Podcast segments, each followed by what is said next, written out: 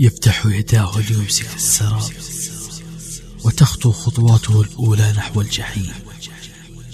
من ثم يعيش طفولة مظلمة في بيئة قاتلة بين غدر الأقارب وتعديهم على مساحته الشخصية. ليغدو شابا ورجلا بالغا يمارس القتل بتسلسل موحش. جهزوا أنفسكم لحلقة كلها إثارة ورعب وتشويق.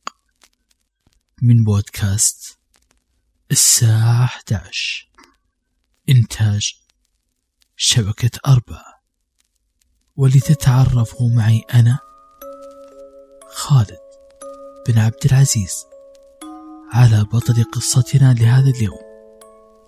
عبد العالي الهازي أو جزار تاردنز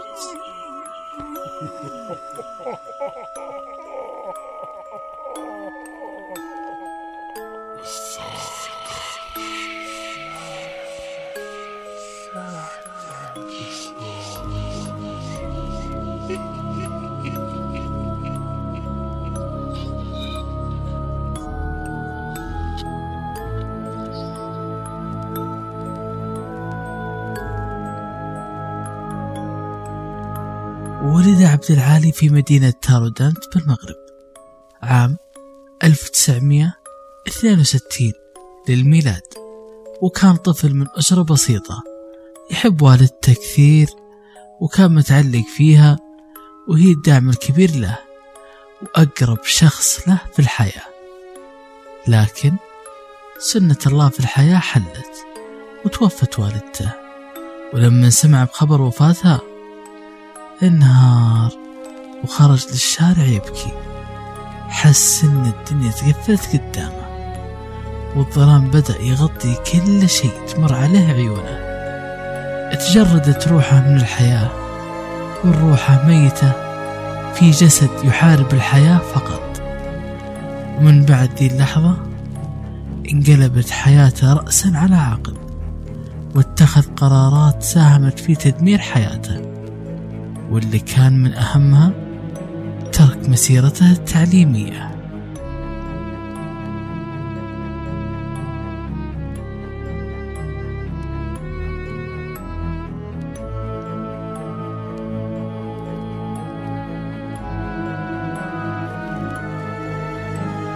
تعرض عبد العالي للإهمال وتعبت نفسيته. نحف وأصبح ضعيف البنية. واللي زاد الطين بلة تزوج أبوه والتهب حياته وأهمله زيادة. وبعد ما خلف وصار عنده أطفال. تغير تماما. ونسى أن عنده ابن اسمه عبد العالي. والأسوأ من هذا كله. واللي خلاه يتحول لشخص مهشم من الداخل. تعرضه للاغتصاب.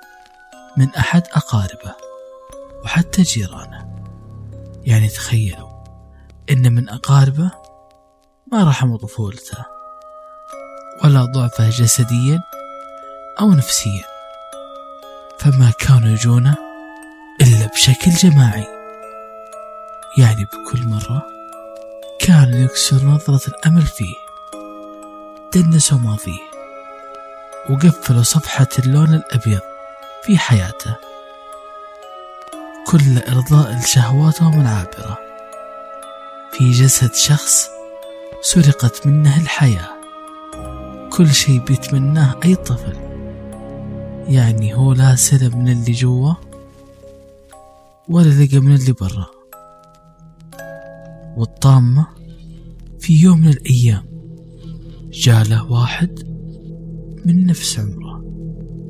وقال له تعال معي. هو بالبداية ما كان مقتنع والأفكار تلعب فيه وكان متردد. بس بالأخير قال خليني أشوف وش يبغى. مشى معه ودخله غرفة ولكن الغريب تجمعوا عليه حول أربعة عشر شخص. تنمروا عليه وشتموه ومو بس كذا. اعتدوا عليه بشكل جماعي. صرخ. نادى. استنجد. لكن بلا فائدة. قعدوا يتناوبون عليه. لين غاب عن الوعي. ومن بعد هذا الموقف عبد العالي تغير 180 درجة. وكأنه كان في شمعة أمل لكنها انطفت وحل الظلام مكانها.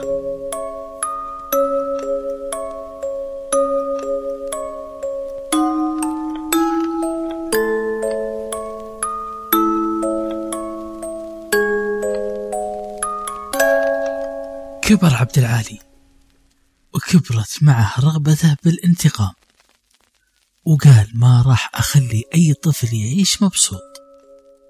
ومثل ما ضاعت طفولتي راح أضيع طفولتهم. اعتمد على نفسه. واشتغل جزار مع أخوه في مطعم لهم. وفي يوم من الأيام عبد العالي راح المحطة المسافرين. وجلس فارد عضلاته. وقايل يا أرض نهدي ما حد قدي. طبعا كل واحد مشغول في شؤونه. اللي يتكلم في الجوال واللي يشتري كعك.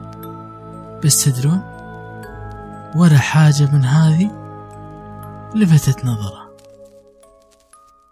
بقد ما لفته وخلى عيونه قلوب وقلبه يرقص من الفرحة. طفل تقريبا في عمر ال 12 سنة. جالس بزاوية يلمع الأحذية. تكرمه طبعا. عشان يساعد أهله في لقمة العيش. هنا قال عبد العالي أخيرا لقيت صد اليوم. راح عند الولد. وعلى طول. قال للطفل ألمع حذائك طبعا السفاح ابتسم. هذيك الابتسامة الشيطانية. وقال إي. وهو يلمع له سأله عن اسمه وعمره. وليش يشتغل هالشغلة؟ بدل ما يروح المدرسة. زي اللي بعمره. بعد موال هو كان يغني. قال إيش؟ قال له إيش رأيك؟ تجي معي. عندي أحذية كثيرة تحتاج تلميع. وطبعا عشان يغريه ويثق فيه أكثر. قال راح أعطيك دبل هالمبلغ. الغلبان سمع فيها فلوس زيادة طار من الوناسة. قال في نفسه أخيرا بقدر آخذ علاج لأمي. بمجرد ما وصلوا للبيت ودخلوا مع عتبة الباب. رحب فيه وقفل الباب. تلبس عبد العالي الشيطان. كشر عن النيابة. واعتدى على الطفل المسكين مرة ومرتين وثلاث. ويا عيني. الطفل نزف من هجوم عبد العالي. وكان يئن يصرخ يستغيث لعل أحد يسمعه. لكن لا مجيب. وتخيلوا إنه خنق لين مات. وكان وقتها بقمة استمتاعه. بعدها شاله ودفنه قريب من بيته. وهنا بدأت مسيرة عبد العالي الإجرامية. وحس بشعور أنه يبغى المزيد وحتى أنه قال ما كان يعرف أن الشعور رهيب هالدرجة. يعني بطل قصتنا هذا مو بس يحتاج مصحة يحتاج يخرج من كوكب الأرض بكبره. كان الأطفال اللي يستهدفهم من عمر 11 ل 16 سنة وخصوصا الأطفال المشردين واللي يمسحوا الأحذية ويقول لهم إن بيكرمهم آخر كرم من أكل وشرب ويكسب ثقتهم المساكين ويدخلوا بيته وهنا تظهر حقيقته. وما كان يغتصبهم وبس. كان يضربهم ويعنفهم. بعدين تيجي لحظة المتعة الرهيبة عنده. لما يخرجهم وفي النهاية بكل بشاعة يدفنهم.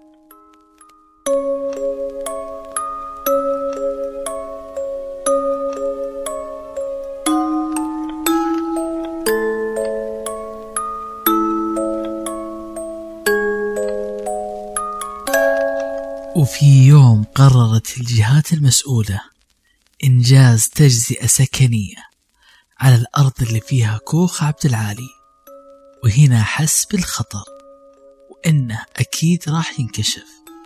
وقال ما راح أخليهم يمسكوا علي شيء. والمغفل أخذ بقايا ثمن جثث ورماها بالوادي الوعر بمدينة تاردنت هالمريض المتخلف ما وقف جرائمه. رغم إنه كان راح ينكشف. واستهدف طفل قاصر عمره 17 سنة. واعتدى عليه وقتله. ورمى جثته عند مكب النفايات.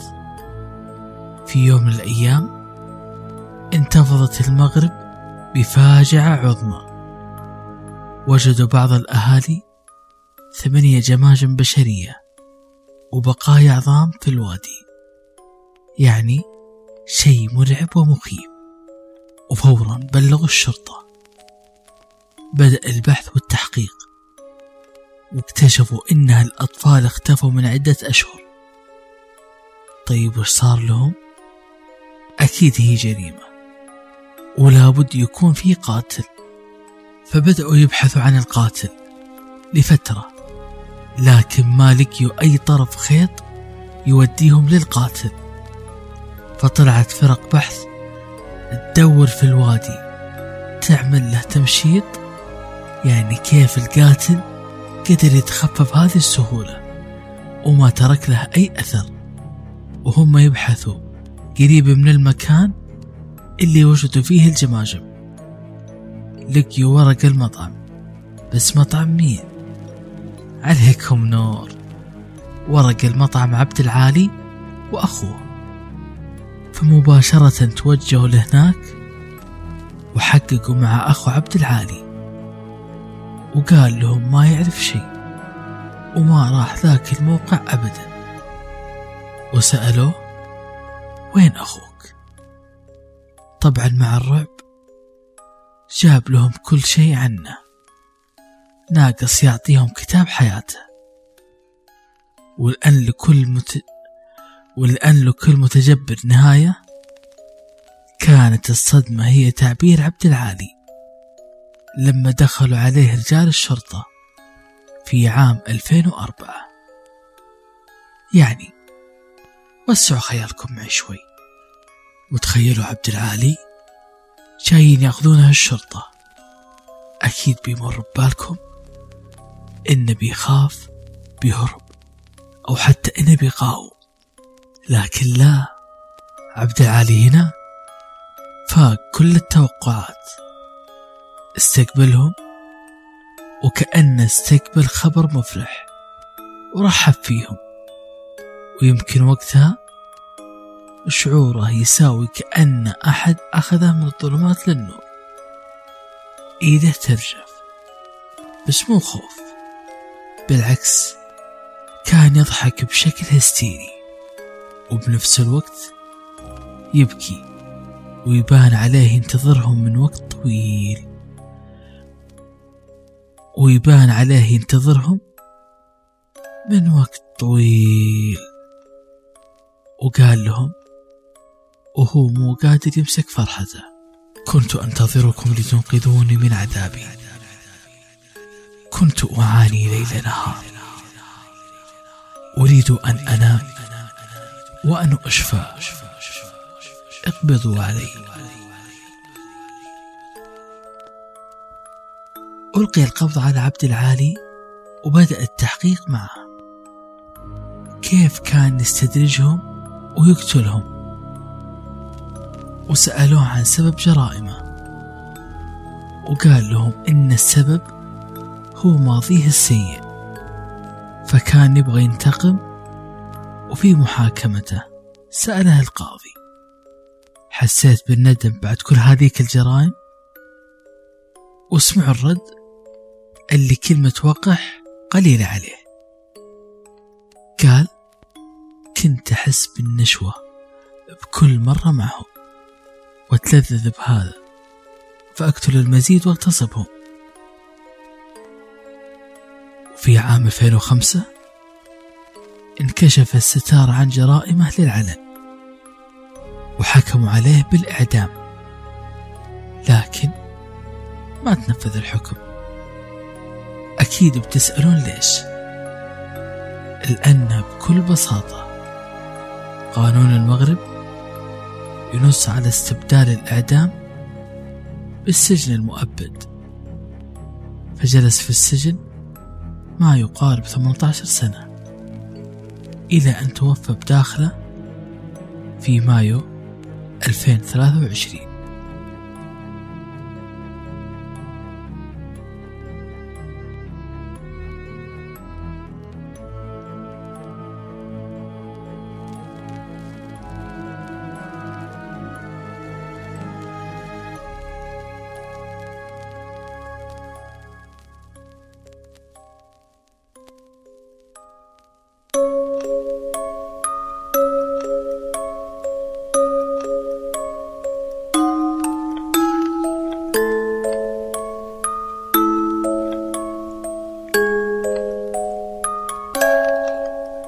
شريط الماضي. يظل دائما يلازمنا إلى ما لا نهاية. ولكن الفرق بين التخطي والبقاء في نفس البقعة السوداء. إنه إحنا أبطال قصصنا. نحكيها على ما نسعى له. ونجسدها بالشكل الذي صيغت لأجله. كنت معكم أنا خالد بن عبد العزيز في التقديم والإخراج وفي الإعداد فاطمة غلاب وفي التدقيق حل البكري ودمتم بود.